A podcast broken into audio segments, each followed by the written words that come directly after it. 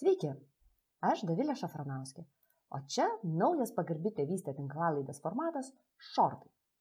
Šortai, visai taip kaip ir tikrieji šortai, yra kažkas trumpo ir lengvo.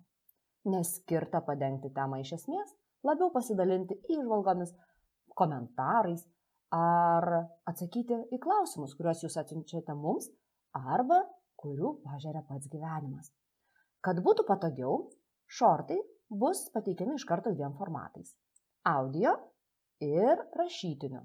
Abu juos galėsite rasti pagarbitėvystė.lt puslapyje skiltyje epizodai. Tad pradedame.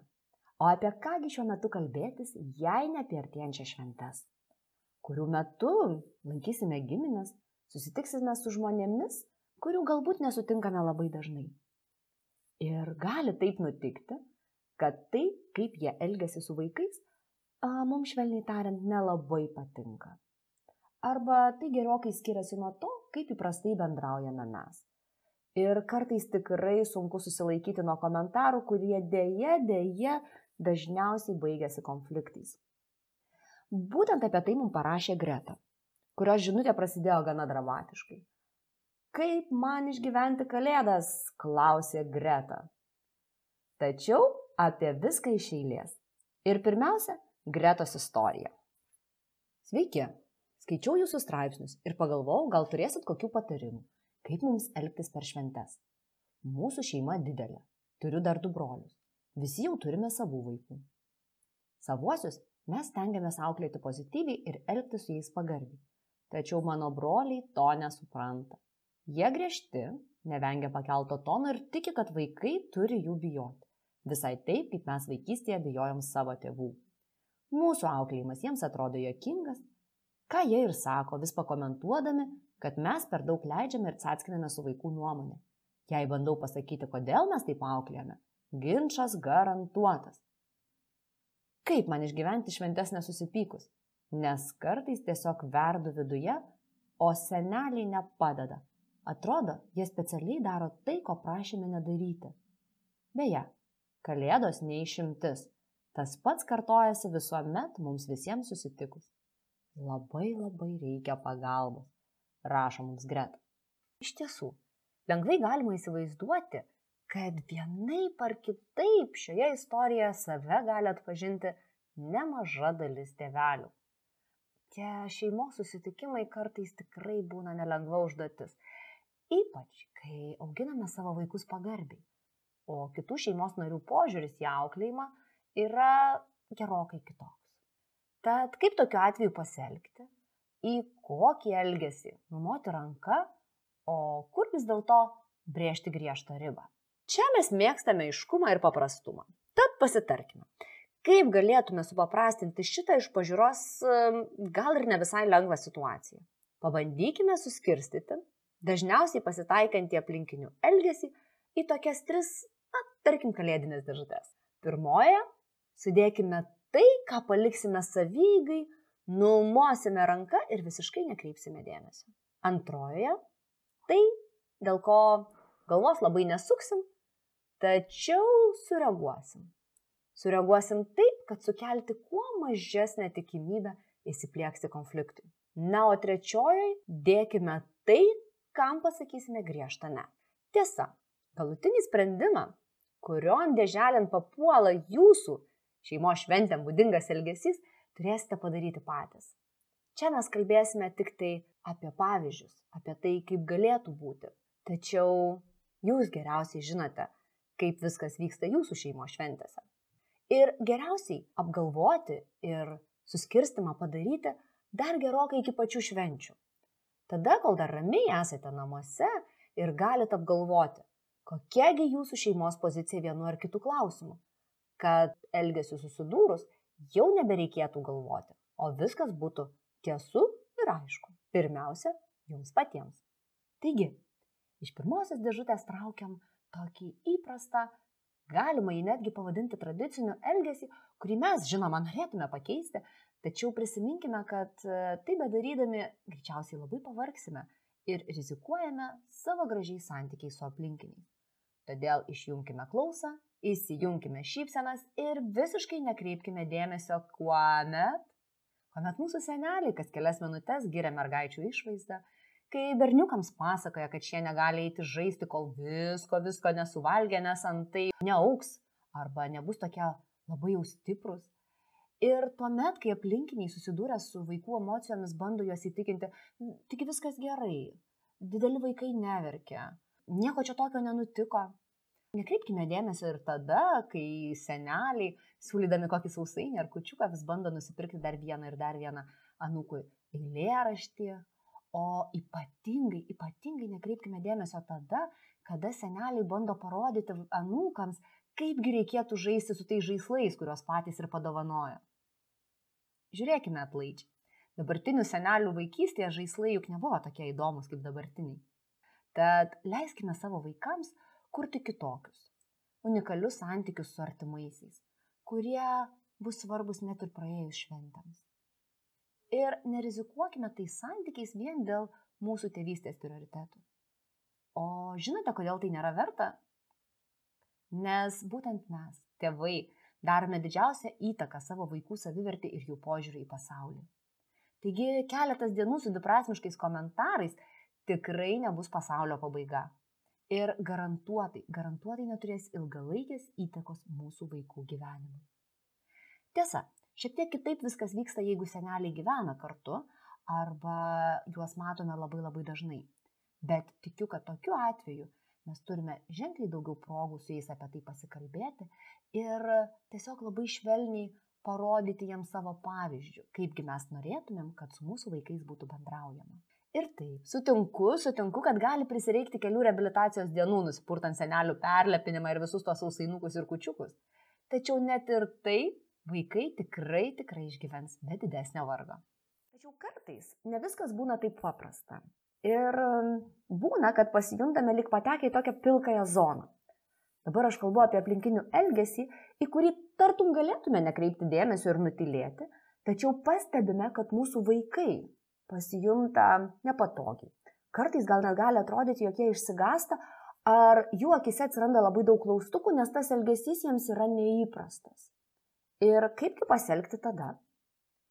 Pirmoji taisyklė - vis dėlto susilaikykime nuo komentarų pačiame situacijos įkarštyje. Vietoj to geriau susikoncentruokime į savo vaikus, skirkime truputėlį laiko tam, kad būtent jiems paaiškintume, kasgi čia įvyko. Tarkim, jeigu persintas viso to vaikiško šurmulio, dėdė pakėlė balsą. Matom vaiko akis didelės. Taip ir pasakykime. Matau, kad truputį išsigandai, nes dėdė kalbėjo labai labai garsiai. Greičiausiai jis pavargo nuo triukšmo ir nesusilaikė. Bet tu žinai, kad mes visuomet stengiamės kalbėti ram, ramiu tonu. Tarkim, kalbant prie stalo, kažkas pasakė, nu, žinot, tą žodį, tą, kurio kaip tik prašėm pas vaiko nevartoti. Priminkim, jog kartais ir suaugusiai pasikarščiuoja. Visgi mes jau kalbėjom, kad šitas žodis nėra mandagus ir mūsų šeimoje jo nevartojam. Būna, kad atsidurėme tokioje situacijoje, kai kitiems kartu esantiems vaikams taikomi griežti auklėjimo metodai. Tokie, kurie jūsų vaiką gali net šiek tiek išgazdinti arba jam tiesiog bus nesuprantami. Tarkim, išsiuntė vaiką per traukėliai į kitą kambarį, verkianti vaiką, jis ten galbūt verkia, kažką daro ir matom, kad mūsų vaikams kyla klausimų, kasgi čia vyksta. Taip ir paaiškinkime, kad kiekvienoje šeimoje yra skirtingi susitarimai ir skirtingos taisyklės. Nepaisant to, kad teta daro taip ir taip, mūsų namuose tai nėra reikalinga. Mes susitarėm kitaip. Paklausite, kokiagi iš tų paaiškinimų prasme. O prasme jų tokia, kad jie pasitarnauja tam, kad mūsų vaikai lengviau suprastų jo supantį pasaulį. Šalia to mes dar parodome ir savo poziciją, kad aš matau, kas vyksta ir tam nepritariu. Mes šeimoje, mūsų šeimoje, mes bendraujame kitaip. Tačiau gali būti, kad kitose šeimojose yra įvairiai. Tiesiog toks yra pasaulis, ne viskas yra taip, kaip pas mus šeimoje. Ir toks sudėliojimas vaikams tiesiog padeda viską sudėlioti į lentynėlės. Jiems nelieka tokių klaustukų, kad galbūt jie matė kažkokį elgesį, mama, tėtis į tai visiškai nesureagavo, reiškia, tai yra teisinga. Ne, čia mes pasakom, aš mačiau ir tai nėra teisinga. Ir tikriausiai, kaip jau patys irgi atspėjote, aplinkiniams tokie mūsų komentarai labai padeda nusiraminti ir kartais pažvelgti savo elgesį iš šono.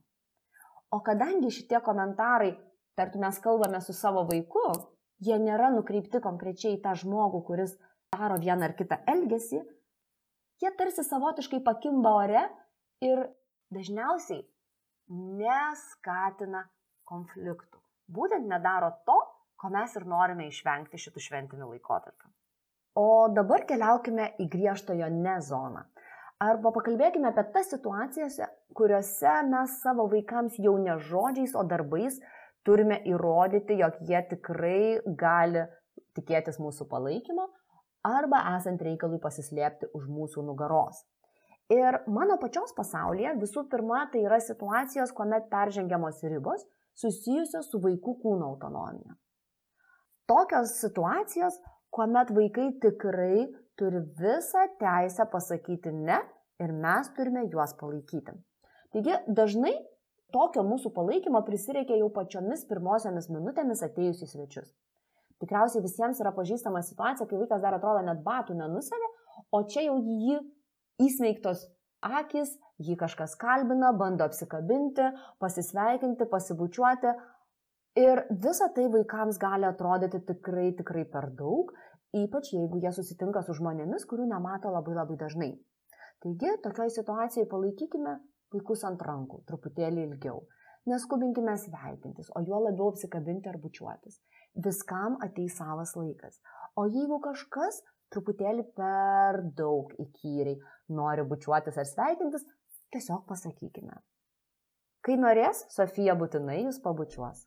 Sofija, gal paspausi tetai ranką? Ne, jei persigalvasi, vėliau galėsi paspausti. Aha, ir jūs galvojat, kad tata gali įsižeisti? Tada, žinot, iškyla natūralus klausimas. Kasgi vis dėlto čia suaugęs? Mano akis nukreiptas į tetą. Ir žinot, esu girdėjusi, o ir mačiusi realybėje, kad negavę bučką iš vaikų, tėtos tikrai išgyvena. Tiesą sakant, jos visą tai labai greitai pamiršta ir situacija išspręsta.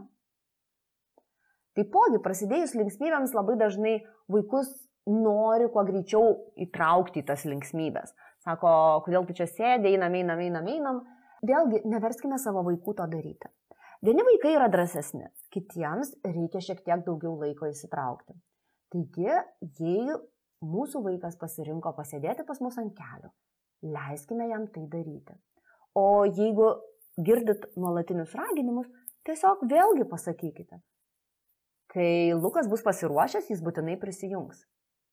Pamatysite, kad suteikia šitą laisvę vaikui nuspręsti pačiam, kada jisai gali eiti žaisti, O jeigu jis nenori eiti žaisti, jis gali pasėdėti pas mus ant kelių ir tai bus jo sprendimas, jo paties priimtas sprendimas, tikrai pastebėsite, kad drąsa atsiranda gerokai greičiau negu tuo atveju, kai mes nuolatos vaiką skatiname eik, eik, eik kažką daryti. Toks pats požiūris galioja ir tada, kai kas nors nori pakilnoti ar pasupti, pamėtyti orą mūsų vaikus. Tai pirmiausia, turime gauti pačių vaikų pritarimą. Jeigu jie to nori, viskas tvarkoja.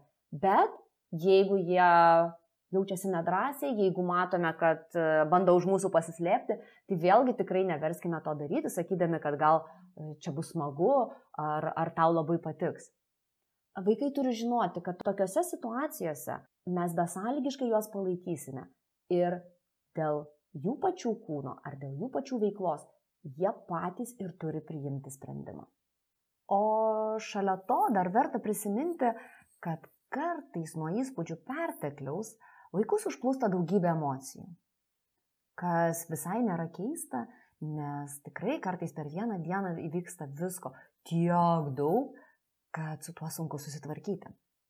Tad visai nekalta kokia situacija gali tapti vaikiško verksmo priežastim. Ir kaip taisyklė, kas tada įvyksta, tai visi supuola raminti verkiančio vaiko, o dažniausiai tai tik pablogina situaciją. Todėl, jei taip nutiktų, leiskime vaikui nusiraminti oriai. Išeikime kartu į kitą kambarį ar kažkur tiesiog pasislėpkime nuo šalesnėje vietoje, papasakokim kokią ramią istoriją, pabūkime ir nurimus jausmams grįžkime atgal į šventę. Tiesiog taip ir patys išlaikysite daugiau ramybės ir vaikams bus lengviau nusiraminti. Nes juk net mums suaugusiems kartais sunku nuo viso to šventinio šurmulio. Tad ar galime pykti, jei vaikams prisireikia pagalbos nusiraminant? O jeigu nurimti reikės ne vaikams, o mums patiems, prisiminkime tokią labai labai trumpą mantrą, kurią dažniausiai kartoju tokiuose situacijose ir pati savo. Ir visa tai praeis, nes tai tikrai praeina. Juk šventės nesitęsia ilgai ir uh, jos praeina. Taigi, būkite sveiki, ramus, užtikrinti savo tėvystės pasirinkimais ir gražiai, nuotaikingai praleiskite visas artėjančias šventes. Outside is frightful, but the fire is so delightful. Since we've no place to go, let it snow, let it snow, let it snow.